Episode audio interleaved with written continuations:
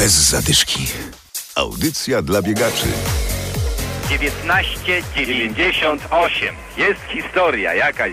Poniżej 20 sekund Polak schodzi na 200 metrów.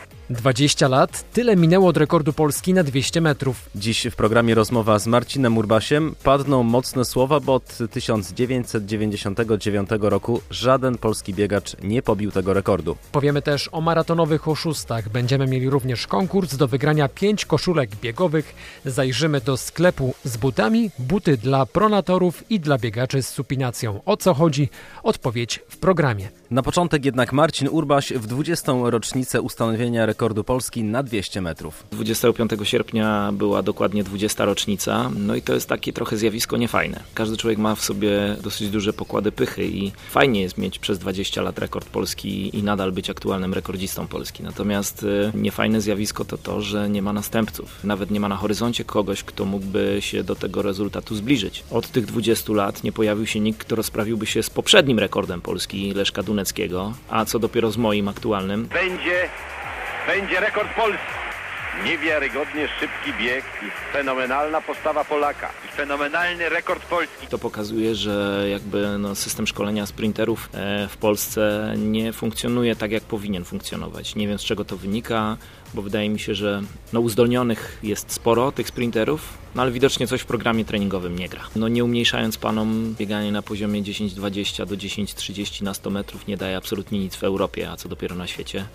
E, No i podobnie się sprawa ma na 200 metrów. Bieganie w granicach 21 sekund, trochę poniżej 21 sekund, absolutnie w Europie nie pozwala na żadną rywalizację, a na świecie no, tacy zawodnicy już w ogóle nie istnieją. Dziś Marcin Urbaś prowadzi swoją akademię. Może w końcu uda mu się wychować nowych rekordzistów. Teraz obiecana wizyta w sklepie sportowym, pronacja i supinacja. Takie hasła pojawiają się przy opisach butów do biegania. Marcin Felał. Supinacja to jest y, uciekanie stopy na zewnątrz, a nadpronacja jest y, wtedy, kiedy nam ta kostka ucieka, koślawimy ją do, do wewnątrz.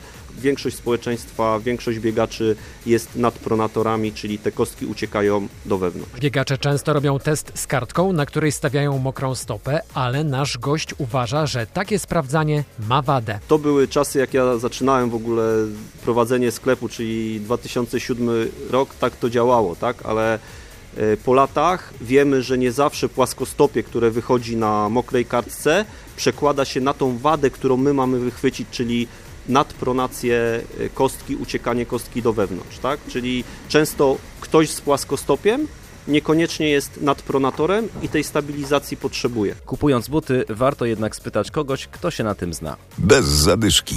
Dokładnie za miesiąc 20 poznański maraton. Lista startowa była już pełna, wczoraj jednak uruchomiono dodatkową pulę 500 pakietów. Szczegóły na stronie poznańskiego maratonu. Jeżeli jesteście zapisani, a nie możecie pobiec, to można jeszcze przepisać pakiet, ale uważajcie na oszustów. Po wpłacie pieniędzy kontakt się urywa, o sprawie wie policja. My mamy konkurs na naszym Facebooku. Czekamy na zdjęcia waszych medali z biegów, takich medali, z których najbardziej jesteście dumni. Do wygrania 5 profesjonalnych koszulek biegowych. Ten konkurs na Facebooku, na profilu bez zadyszki, audycja dla biegaczy. A teraz zaproszenia. W sobotę w Chodzieży różowy bieg charytatywny, w Kleszczewie tartanowa piątka i biegi dla dzieci. W niedzielę w Witkowie Witkowska Dycha, w Śrakowie piąty maraton i czwarty półmaraton Puszczy Noteckiej. W Górze Koło Leszna szósty bieg dziczkiem, a w Ostrzeszowie Ostrzeszowska Dycha.